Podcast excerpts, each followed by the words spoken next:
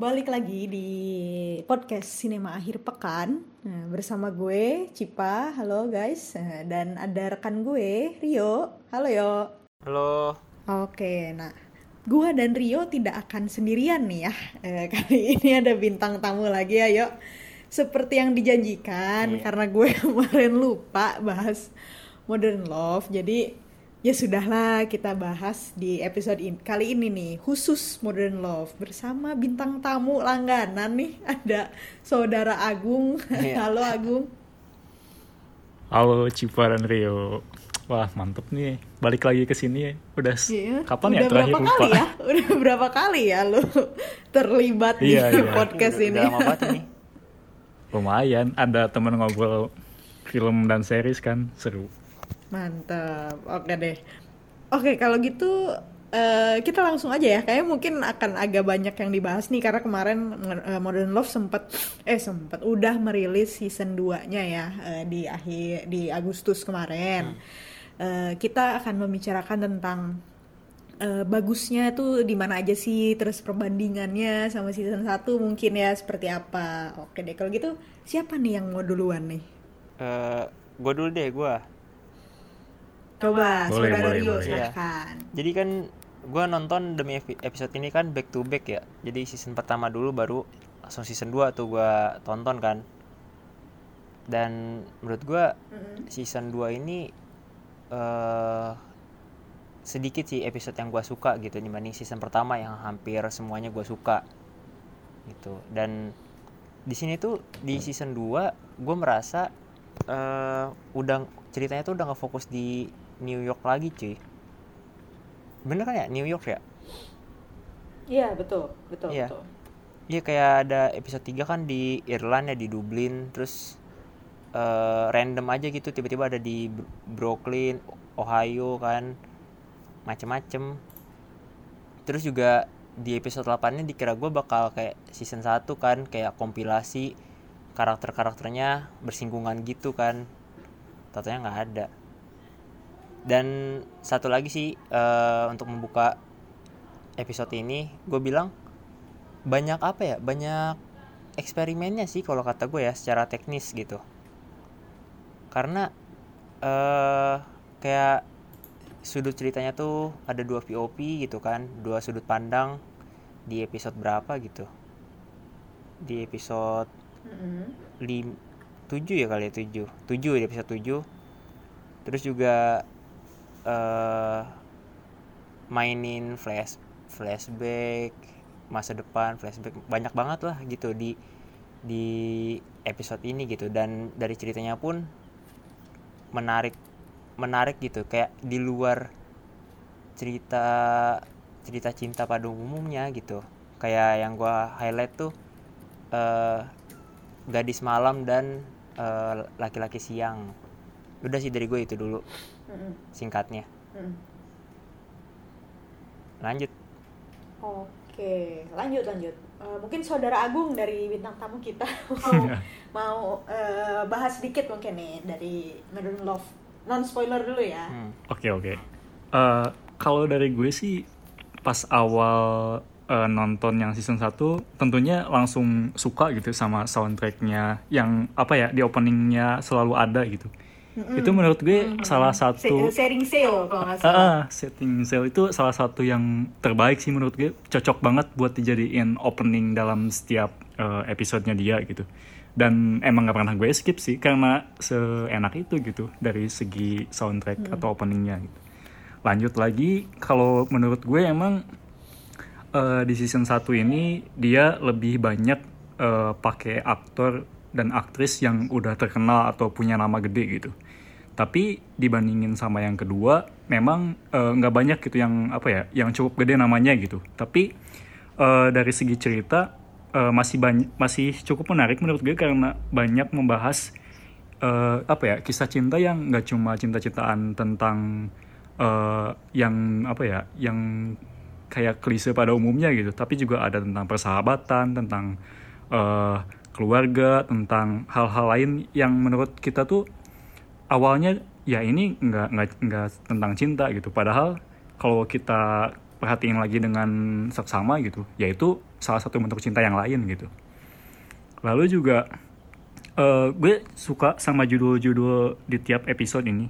Karena menurut gue singkat tapi bener-bener eh, apa ya bagus gitu. Kayak eh take me as I am whoever I am kayak ya udah lu mau ini enggak apa sih namanya?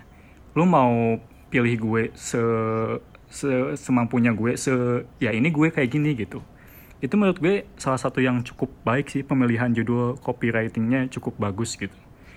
Kalaupun eh, ya gue setuju sama Rio tadi di episode di season 2 memang dia lebih banyak mengeksplor tempat-tempat baru gitu di mana nggak berfokus di Amerika aja bahkan juga sampai ke Inggris gitu. Dan salah satu episodenya di episode 3 kalau nggak salah dia eh, benar-benar ngangkat suatu percintaan yang apa ya relate dengan keadaan sekarang itu di masa pandemi. Itu menurut gue menarik sih.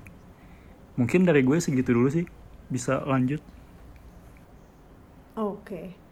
Eh, mungkin gue akan sum up sedikit sih ya karena Ah. eh, sebagian besar udah kalian sampein. Gue setuju sama eh, Rio dan Agung. Eh, Iya emang season 2 ini entah kenapa tidak sememorable season pertama ya. Eh, dia dia kalau bisa gue bilang sih dia le- lebih banyak episodenya lebih banyak mengeksplor tema-tema yang lebih yang lebih rumit, yang lebih yang lebih realistis gitu Iya. mungkin ya.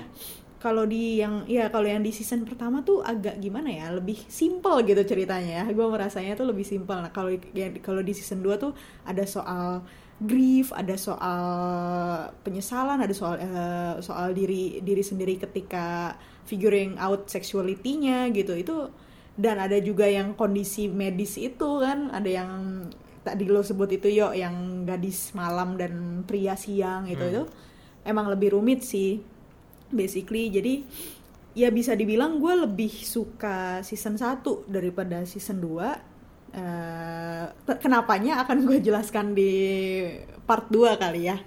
Karena biar kita bisa bahas lebih lebih enak nih lebih mendalam gitu. Ya mungkin kayak gitu sih. Eh, kira-kira kalian ada yang mau ditambahin di part pertama ini? Udah. cukup. Cukup. Kalau dari gue cukup Oke, kalau gitu kita tutup dan kita break dulu ya.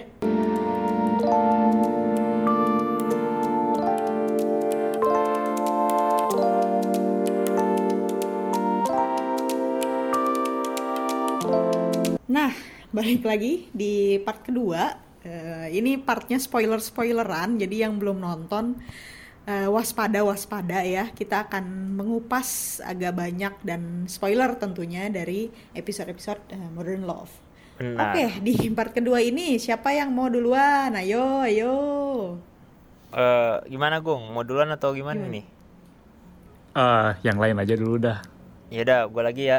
Gue lagi dah. boleh boleh Udah, Izin. Silakan, silakan. Nah, gua gua mau bahas kekecewaan gua dulu ya. Sebenarnya ada tiga terbawah menurut gua. Pertama, episode 7 tuh yang ceritain dua sudut pandang yang ketemu di trotoar. Ingat gak? Ingat ya? Ya, ingat, oh iya iya. Ah, ah. Nah, itu kan sebenarnya Itu maknanya dalam ya. style-nya beda banget tuh. Iya itu beda banget karena maksudnya eh bagaimana cara lu mengingat cinta yang pernah timbul gitu kan intinya kan gitu. Cuma gua nggak ngelihat eh si karakternya tuh berkembang dan kenal sama karakternya sih. Karena dua sudut pandang tadi cuma curhat aja jatuhnya gitu. Itu dari gua ya. Eh bisa itu yang pertama. Yang kedua eh ini episodenya keempat tuh yang bocah bocah kuliah ya itu ya kuliah SMA sih yang cewek Eh, yang mana? Yang cewek? SMA, SMA. iya cewek SMA ya Mm-mm. nah itu kan eh sorry bukan eh, episode 4 episode 5 yang tergantung kuis gitu loh ya anak SMA nah itu gue kecewanya karena kita kan itu kan jatuhnya di endingnya ceritanya kan dua dua orang ya dia sama si Katie Katie sama Alexa. Nah, gua gua gua tahu kalau si Katie itu eh, hidupnya tuh karena SMA bergantung sama kuis banget gitu. Dan dia masih eh, denial lah kayak ah ini mah kuis doang tapi gue ngerasanya beda gitu. Tapi pas di ending gue ngerasa oh iya emang eh, bagus tujuannya dia emang mengeksplor seksualitasnya dia gitu. Cuma tiba-tiba pertanyaan yang terakhir maafin ya kalau gini gini gini karena perbuatan gue terus eh, nggak apa-apa kok gue seneng gitu. Terus lu mau? Iya gitu. Maksud gue gue nggak gue nggak mengenal si Alexa ini ujungnya juga mengarah ke sana gitu. Kayak keresahannya tuh nggak nyampe di gua. Tiba-tiba udah aja mereka seneng bersalah udahlah.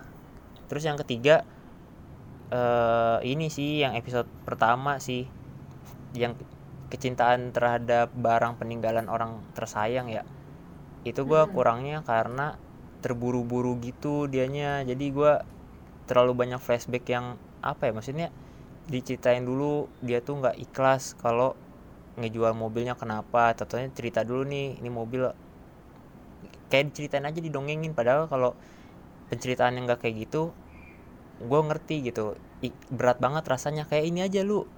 Pernah nonton eh, old old happy old year-nya Thailand kan ya Ah iya iya. itu iya menurut gua itu tuh lebih lebih bagus pesannya di apa cara ceritanya pesannya sa- daripada yang ini di sini tuh kayak dibikin diki- di- dibikin sedih setengah-setengah dibikin seneng setengah-setengah juga jadi kayak ya udahlah intinya susah move on atau berusaha move on udah sih dari gue itu tiga episode itu ya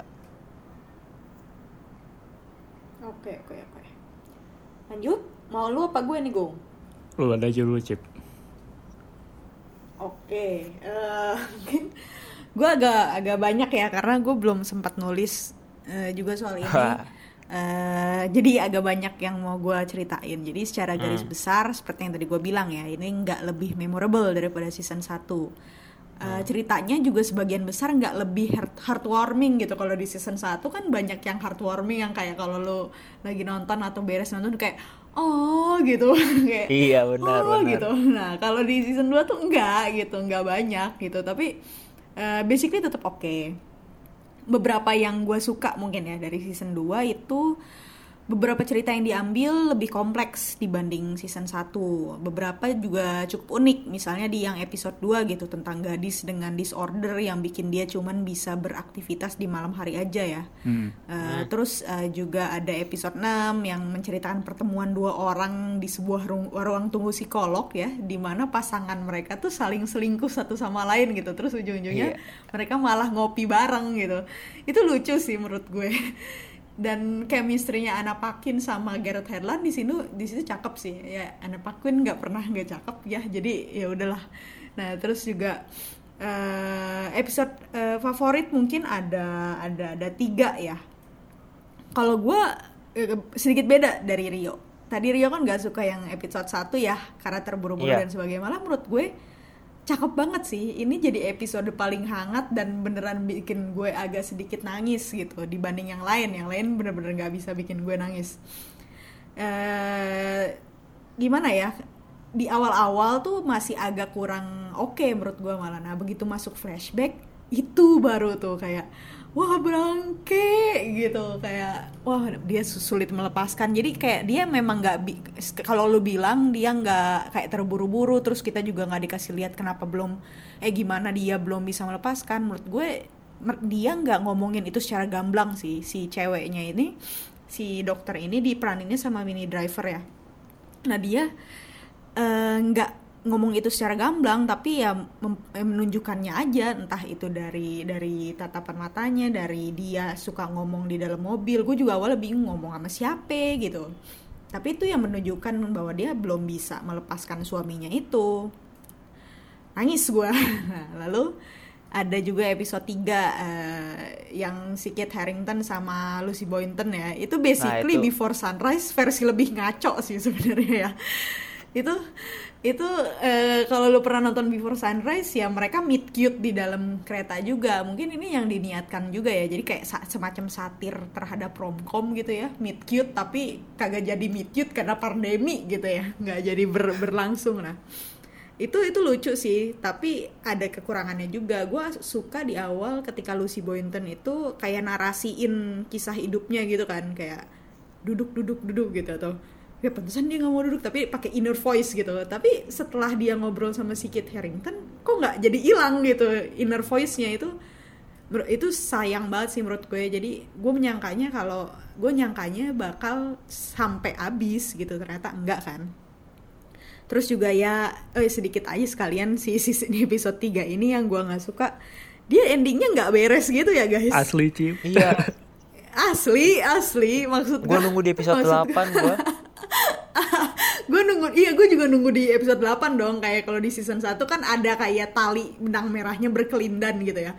Tapi di sini nggak ada itu ngeselin banget gitu.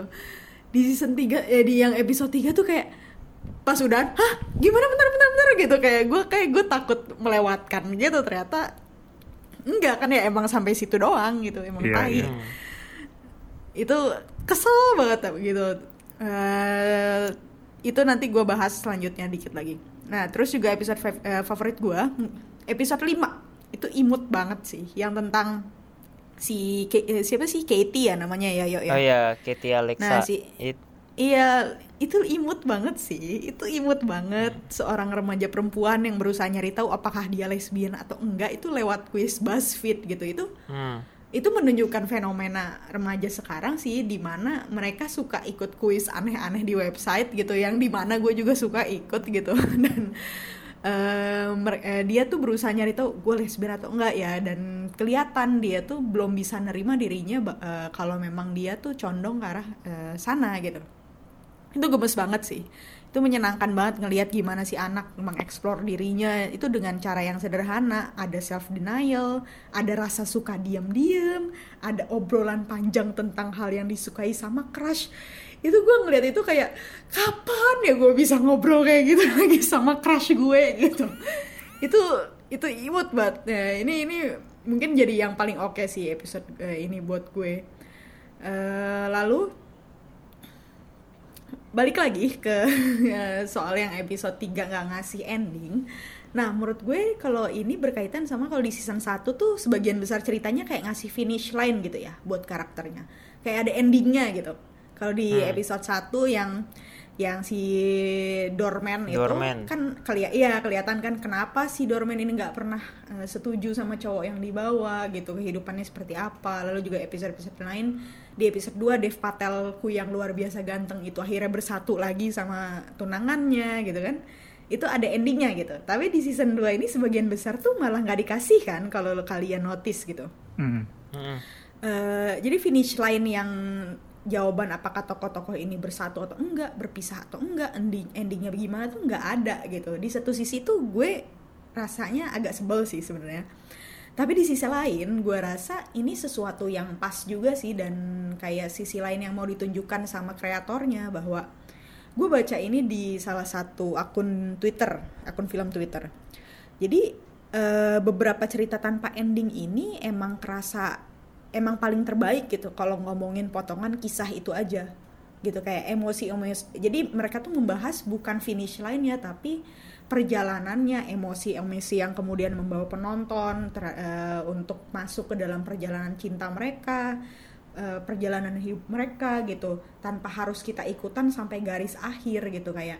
Soalnya kalau lu eh, baca esainya gitu kalau gue dengerin beberapa podcastnya sih jadi memang memang podcast podcastnya itu hanya membahas perjalanannya aja gitu. Kayak maksudnya proses mereka eh, perjalanan mereka si tokoh ini memproses emosinya gitu. Memproses perasaan cintanya patah hatinya dia jatuh cintanya dia gitu loh. Ya intinya gitu sih gitu.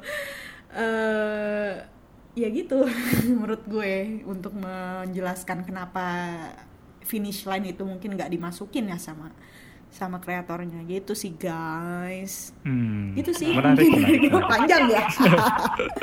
Panjang ya? Gimana gue? iya gitu sih. Oke. nah Agung silahkan setelah itu kita bisa omongin mungkin perbandingannya sama season 1 juga dan lain-lain sebagainya. Gimana Agung Gue kayaknya kehabisan bahan buat dibahas nih sama kalian. sorry. Ya, Tapi- yang favorit lah, yang Oke favorit oke. mungkin. Maksudnya kalau di episode eh di season 1 sih yang gue favorit itu episode 3 pertama. Karena dia seorang gadis bipolar kan si Anne ini. Kayak kadang kadang gue relate aja gitu. Kayak suatu waktu gue paginya misalnya gue excited gitu. Kayak oh ntar ketemu sama orang nih gitu. Tapi ketika menjelang jam-jam jam-jam ketemuan kadang-kadang ada ada mood yang kayak "Hmm, kayaknya gue males dah buat jalan gitu kayak bener-bener Oh, kayak iya, gitu iya. tuh Ini kalaman sama gue itu sendiri ya, gitu Yang Hathaway ya. iya iya Anne Hathaway ya. Mm-mm. dia kan kayak beneran si cowoknya udah datang udah nyampe ke tempat dia udah ngebel gitu tapi tiba-tiba dia kayak mood swing tiba-tiba nggak nggak mood buat ketemu gitu kayak ya maksudnya itu mungkin sebagian dari kita juga kealaman gitu. Pengalaman serupa gitu cuman emang nggak separah itu gitu. Lalu juga eh, di episode 6 yang tentang seorang cewek yang dia tuh beneran pengen ngerasain gitu gimana sih punya sosok ayah yang care yang ya kayak sosok ayah pada umumnya gitu. Akhirnya dia punya kesempatan buat eh, jalan dan apa ya ketemu ke rumah ke apartemennya si atasannya dia. Seiring berjalannya waktu mereka juga makan ngobrol eh, hang out together gitu. Itu juga salah satu yang menarik sih menurut gue karena ya emang sih maksudnya eh, banyak mungkin dari kita yang nggak ngerasa kasih sayang seorang ayah tuh kayak gimana sampai-sampai eh, dia gitu pengen ngerasain itu meski sama atasannya gitu. Tapi di akhir justru dia yang kecewa sendiri gitu karena ada suatu kejadian yang lah kok lu malah jadi suka sama gue sih? Kayak gitu gitu. Dan di situ konfliknya kayak mulai kelihatan tuh kayak gitu gitu. Terus ya emang gue salut sih sama episode 8 juga di mana di akhir tuh pengemasannya juara sih menurut gue karena itu dia bisa ngejahit gitu dari episode 1, 2, 3 sampai ke 8 dia jahit sedemikian rupa sampai kita tuh oh iya bener ternyata endingnya tuh kayak gini yang waktu itu ngegantung gitu. Itu episode 1 menurut eh season 1 menurut gue emang suksesnya di situ sih. Season 8 nya kunci banget.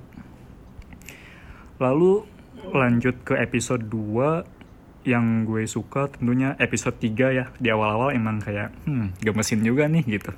Di kereta ketemu orang asing terus ngobrol. Tapi mereka nggak mau tukeran nomor HP gitu tapi ya endingnya bangke sih. Maksudnya dia udah nyamperin si cowoknya terus tiba-tiba udah aja udahan aja kayak what the fuck? Emang nyebelin banget sih. Terus ya yang kuis gue juga suka sih. Maksudnya dia udah udah ngisi kuis tahu hasilnya tapi dia kayak "Hmm, kayaknya gue hasilnya nggak kayak gini deh. Sampai dia ulang lagi kuisnya ulang lagi sampai ya udahlah gitu. Langsung dia ngejalanin apa yang dia percaya aja gitu ke yang dia suka itu terus apa lagi ya? Episode 1 season 2 juga juara sih. Eh, sesuatu apa ya pas si ibunya ini jalan sendiri sebelum mobilnya dijual itu bener-bener eh, ini sih bener-bener puncak kesedihan dan nostalgianya dia gitu loh. Kayak sampai akhirnya ya udah dia juga mau mau minjem lagi buat jemput anaknya buat nostalgia lagi sama keluarganya dia gitu. Itu pengemasannya menurut gue menarik sih paling itu sih yang gue mau highlight dari season 1 dan season 2 Tapi bentar deh, gue mau nanya ke kalian. Aha. Hmm. eh ngerasa nggak sih kalau di beberapa scene tuh kayak pakai CG-nya tuh kelihatan gitu? Atau emang efek kam apa ya efek kamera atau editingnya yang bikin kayak gitu? Kayak yang tadi kan, gua selama episode 1 tuh yang dia curhat di mobil itu tuh kayak perdi perjalanannya tuh CG gitu loh. Jadi kayak Iya iya iya. Hmm. nggak ngerasa deket nggak ngerasa attack gua sama ceritanya terus juga yang Yes. paling parah tuh episode 4 tuh yang dia nongkrong di rooftop terus kan backgroundnya tuh kadang aneh gitu Iya, yang episode 4 kelihatan sih itu kayak eh, emang si view-nya tuh beneran nggak real banget sih itu mah bener. Hmm. Iya sih, CG-nya Kayak- agak ini. oh tapi keganggu gak sih atau cuma oh iya nih kayaknya ini nih pakai CG udah aja Hmm, so far sih ng- nggak terlalu ini ya. Maksud gue ya udahlah emang maksudnya ngeh itu itu CG dan kayak gitu gitu. Tapi ya udah gue fokus lagi Iya, ke ceritanya gitu. aja gitu ya. Heeh. Cuman di, di episode aja 4 gitu, emang bener-bener lumayan ini sih bikin salah fokus gitu. iya iya Episode 4 tuh yang mana ya? Bentar-bentar. Yang ini empat tuh ini loh yang Ohio Brooklyn stand up comedy Oh, oh iya iya iya iya iya iya. Iya itu ketara banget sih pas Hmm. lagi di atas itunya ya, di Iya. atas gedungnya ya. Hmm. Nah, Hmm. tapi tadi eh, lu berdua ini ya nomor nomor episode 1 ya Mm-mm. suka banget ya. Nah, itulah saya. Iya, iya. Iya, gue suka banget sih. Itu bagus. Itu kayak membukanya dengan sederhana aja sih sebenarnya dan langsung dengan kedukaan gitu ya, langsung kayak brengsek nangis gue. Dan pas suami barunya dia kayak ya udah kalau lu belum bisa ngelupain Iya, itu semua nggak apa-apa gitu. Kayak oh anjir. Maksud gue kayak "Huh, gue mau satu dong kayak gitu iya ya kan. maksud gue. Maksudnya Dia bisa iya legowo banget legowo gitu. banget sih. Kayak kalau di kita kejadiannya mungkin kayak ngapain sih lu masih masih kayak gitu gitu itu udah lama gitu pasti digituin. Mm-mm. Tapi dia beneran dewasa legowo banget itu keren sih. Mm-mm, mm-mm. Setuju, setuju, setuju, setuju. Aduh, sayang banget nih gua nih. Sorry ya guys ya. Tak apa, tak apa. Oke deh, kalau gitu mungkin eh, tadi Rio sama gue belum bahas yang season 1 juga kali ya. Gimana yo? Mau bahas nggak? Ya udah gua season 1 eh sing semoga singkat ya ini ya. Gue suka lah semuanya gitu. Cuma dari 8 itu gue kurangnya di episode 8 sih. Kayak mungkin gini kali ya soal durasi gitu. Dia karena untuk menyiapkan eh, kompilasi-kompilasi yang se- sebenarnya positif gitu ya untuk mendukung episode lain. Cuma episode 8 ini kayak jadi kurang gitu loh. Serasanya bagi gua gitu ya. Karena apalagi mungkin eh pasangan lanjut usia juga sih. Ceritanya kurang otek juga bagi gua, kurang kena. Jadi gua kurang suka di itu doang. Cuma yang paling bagus ya itu tadi itu sih eh ceritanya tuh beragam gitu dari dari yang anak muda terus pasangan lanjut usia terus hubungan beda kasta gitu kan kayak doorman sama gitu bagus bagus ada Hmm, ini juga oke, kan oke. sisi pasangan gay pengen punya anak dari lu gimana Cip? Oke, oke. Seperti yang gue bilang, gue suka banget yang season 1 ya. Cinta banget gue sama yang season 1. Eh, mungkin ya yang yang favorit gue episode 1 eh, yang Doorman ya. Ada cerita soal Doorman, Maggie ya. sama Gusmin. Mm, Maggie sama Gusmin. Eh, gue merasa ini hubungannya hangat banget sih dan disurta, disutradarainya kan sama John Carney ya dan dia selalu bisa ngasih ngasih rela- relasi platonik hubungan platonik gitu dengan pas gitu jadi Maggie dan Gusmin ini punya hubungan yang sangat hangat tapi secukupnya gitu Eh, itu hangat banget sih gue menangis gitu ya Lalu juga ada episode 2 tentu saja karena Dev Patel sih sebenarnya ya. karena Dev Patel eh, gue fans beratnya dia dan dia ganteng banget di situ. Jadi gue merasa gue wajib menyukai dia di sana. Eh, itu ceritanya oke sih, kayak maksudnya diceritakannya kan kayak flashback eh, maju mundur maju mundur dengan wawancara kan metode wawancara ketiga jurnalis itu jadi malah jadi cupidnya untuk si Dev Patel gitu. Eh, itu sesuatu yang yang unik unik banget gitu. Terus juga ada hubungan yang soal yang tadi pasangan gay juga ya yo ya? Iya. Iya kayak itu itu bagus lah gitu. Nah tapi yang sebenarnya yang sebenarnya gue sukain dari season 1 adalah New Yorknya sih. Eh gue selalu suka portraynya New York di pop culture. Jadi kayak di film-film mungkin kayak When Harry Met Sally gitu kan. Atau di mana lagi tuh yang yang Oh Manhattan ada Annie Hall gitu kan. Itu bener-bener menunjukkan indahnya New York gitu dan di Modern Love ini ya New York di, diperlihatkan gak cuman sebagai latar aja tapi juga eh, tempat orang-orang yang aneh, eh, ajaib gitu, yang unik dari cerita-cerita itu bisa ada di satu tempat gitu. Itu mungkin eh, pengaruh juga ya sama yang season 2 ya Yo ya. Dia nggak ya gue dia juga dia kan nggak di season 2 tuh nggak cuma di New York ya. Jadi makanya mungkin agak sulit kali ya orang-orang akan di episode akhir ada tali merahnya lagi gitu benang merahnya lagi. Agak sulit gak sih kayak maksudnya episode Iya. 3 di Uh. Inggris itu kan? Di ada yang di New York ada yang di Ohio gitu. Maksud gue gimana caranya gitu loh. Jadi mungkin itu salah satu alasan tidak ada ya yang yang yang ditampilkan di ujungnya gitu gitu sih paling untuk season 1 dari gue Ya, ya kita bertiga sepakat lah ya kalau season 1 lebih menarik dan bagus lah dibanding season 2 ini ya. Hmm, hmm, hmm. betul Setuju, setuju. betul. Cuma ini tinggal nunggu aja nih season 3 nya nih Aduh, gua jadi maju mundur gua kalau ada season 3. gue pasti nonton gue pasti nonton gak mungkin gak nonton gue gue udah terlalu hook gitu loh Gue sih bakal tetap lanjut ya. At least kayak pasti adalah tiga episode atau empat yang bakal menarik gitu. Meski mungkin semuanya nggak bakal kayak banyak yang seru kayak season pertama gitu. Tapi masih wajib Iya, ditunggu sih. Ya karena gue juga berharap ada podcast yang esai favorit gue sih yang dimunculin di di season selanjutnya gitu. Mungkin gue share sedikit. Jadi ada itu esai favorit itu gue gue dengerin di podcast sih kebetulan tentang seorang dokter yang pacaran lama tapi kagak jadi kawin. Hmm. Terus Oh, dia tuh? dia kerja di eh, tidak cocok lah intinya. Jadi mereka pacaran lama ya karena nyaman aja gitu. Tapi kayak lu paham gak sih? Tapi untuk maju ke depannya itu kayak kayak enggak deh gitu. Itu bukan keputusan yang benar gitu. Akhirnya putuslah mereka. Patah hati dong. Nah si dokternya ini kerja di bangsal kanker rumah sakit anak-anak. Mampus nggak lu?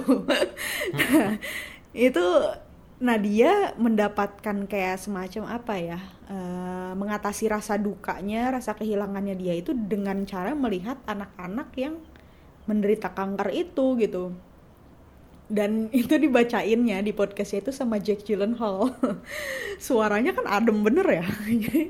Ya gue dengerin podcastnya aja nangis gitu. Gue Wah. penasaran gitu mau mau lihat di layar kacanya tuh kayak apa gitu ya mungkin kalian juga yang males langganan Prime ya bisa dengerin podcastnya aja di Spotify ada kok Modern Love jadi sering dibacain sama eh, orang-orang sosok-sosok terkenal gitu kayak artis gitu influencer dan lain-lain sebagainya gitu Ya, emang sih masalah cinta-cintaan gini tuh emang banyak banget sih dan patut menarik ya. Em menarik Betul. ditunggu gitu, patut ditunggu.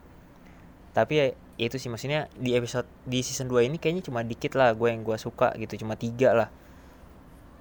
Tadi kan gue ngomong yang kurang sukanya ya. Tadi udah disebutin juga episode 3 suka banget lah. Gua gua menariknya di sini justru di ininya sih dua hal. Pertama adegan lagi ngobrol terus tiba-tiba ada nyanyi gitu loh. Ah Itu iya. tai iya. banget anjir. Iya Kayak itu lagi itu makanya diceng-cengin gue gitu rada kan. bingung. Heeh. iya makanya kayak itu kayak bentuk kayak satir komedi gitu terus ada ngejek musical juga tapi gue bingung gitu karena di ujungnya ke sananya kan nggak ada lagi ya yang part-part kayak gitu lagi ya. Hmm. Iya nggak ada lagi dan di sini tuh kayak disebutin Game of Thrones before before sun sunrise kalau nggak salah ya.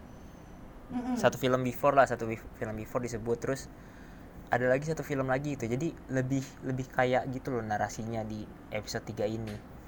Dan interaksi antara karakternya tuh menarik banget gitu. Si itu sama ibunya kan didukung banget ternyata malah judi buat taruhan. Gokil Iya, sih emang. itu maknya anjir.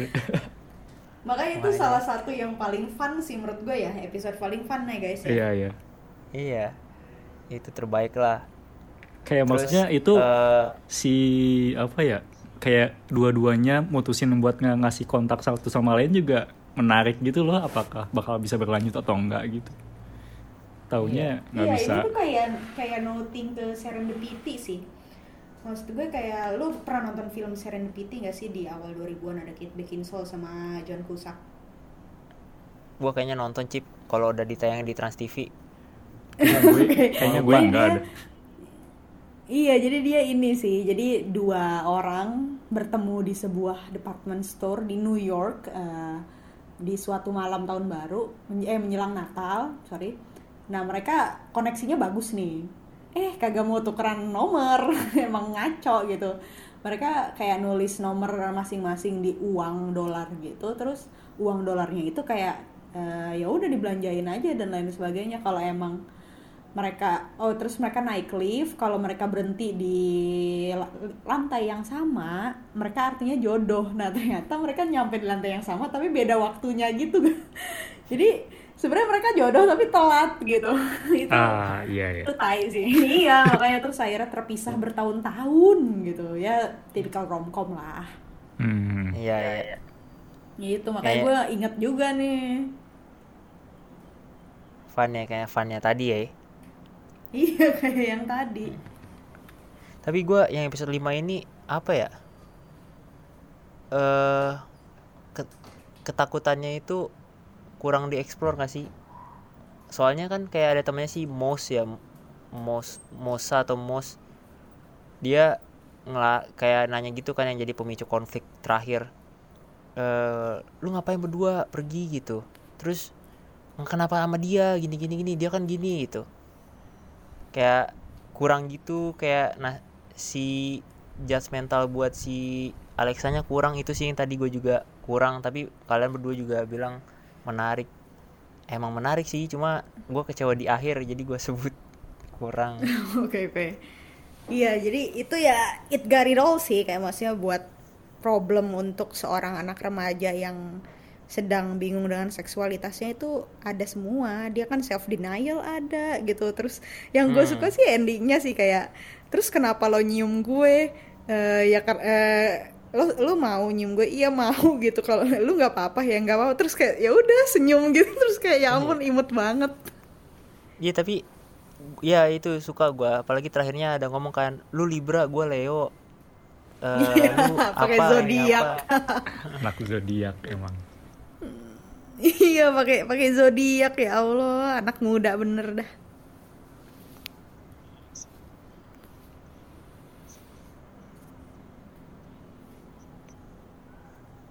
Iya kan lucu gitu jadinya. Ya, dan ini sih gua terakhir lah dari gua bahasannya. Di selain episode 3 dua cerita tentang orang de- pa- apa cinta di usia dewasa gitu ya. 40 50-an tuh bagus juga di sini kayak Oh iya episode iya setuju 6 gue. episode 8 tuh bagus tuh menurut gue ya. Iya setuju gue setuju. Iya. Dan chemistry-nya si yang main itu bagus sih yang di episode terakhir ya. Iya. Anaknya juga mendukung Lucu gitu. gitu. Bukan Iya. Mm, Bagus Oke deh oke oke oke. Oke deh guys, mungkin ada yang mau ditambahin soal Modern Agung, Love? Agung. Tapi gue pengen nanya sih Gimana sebenarnya. Bung? eh, Gimana gimana gimana? apakah kayak apakah ada koran ataupun ya maksudnya di Indonesia ada nggak sih yang nyedain kolom buat kayak gini gitu buat nulis sesuatu yang percintaan kita gitu loh secara kayak di New York Times itu sendiri gitu. Kayaknya Nah, maksudnya kalau nih. kalau ada juga Kayaknya nggak ada ya. kalau ada maksudnya kita juga bisa bikin cerita yang seru gitu di versi Indonesianya gitu. Apakah bakal kayak gimana sih konfliknya dan lain-lainnya kayaknya bakal tetap seru sih menurut gue gitu. Iya iya. Tapi gue sejauh ini belum pernah nemu ya kayak kolom di majalah atau di koran yang memang nulis eh, soal percintaan percintaan orang biasa gitu ya. Gue Mm-mm. belum nemu gitu di Indonesia. Tapi iya bener sih. Kayaknya gitu ya. kalau ada kita wadahnya itu yang kayaknya bakal itu. bakal banyak anonim yang cerita gitu dan itu seru sih kalau dibaca atau difilmkan gitu. Iya. Wah ini ini sebuah ide nih ya ya lu sebuah ide nih bisa diajukan mungkin ke production house gitu ya atau media-media gitu. Kayak gue penasaran aja gitu kayak selama ini kan ya udah ceritanya paling dibumbu-bumbuin jadi jadi nggak kelihatan kayak real gitu. Kalau kayak beneran cerita dari orang-orang yang nggak biasa gitu kan kayak wah beneran nih ternyata kayak ada yang kayak gitu gitu.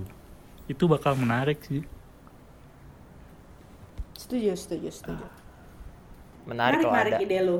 Menarik ide lo untuk kayak mungkin siapa tahu ya ada Kompas atau media Indonesia Nah, gitu iya, yang ada gitu. kolom gitu ya. Kayak Menarik, menarik. lumayan gitu kalau ada kita punya bahan bacaan yang misalnya bisa bikin seru juga tuh buat kayak berbagi cerita gitu-gitu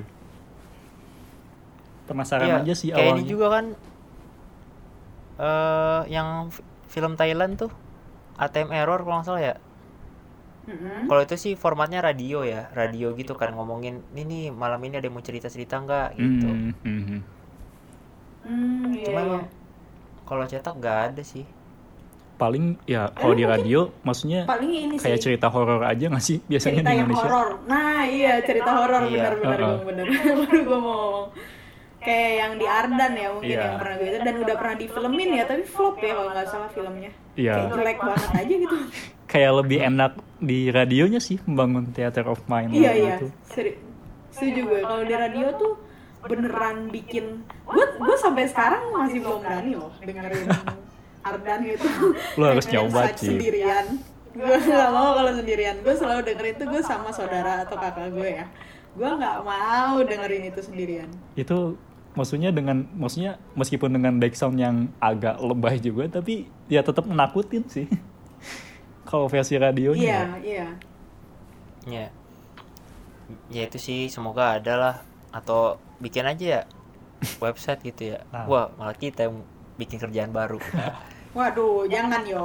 iya ya kita tunggu aja lah siapa tahu mungkin ada nanti ke depannya Ya, Bismillah guys. Eh, ya Allah semoga didengarkan gitu ya. Iya.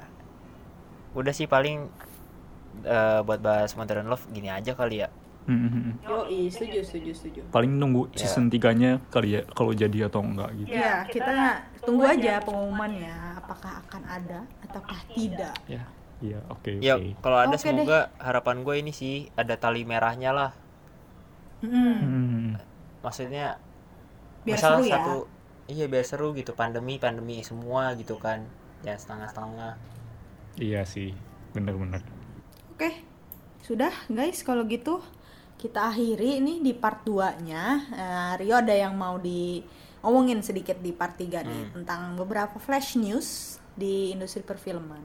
Kita rehat dulu.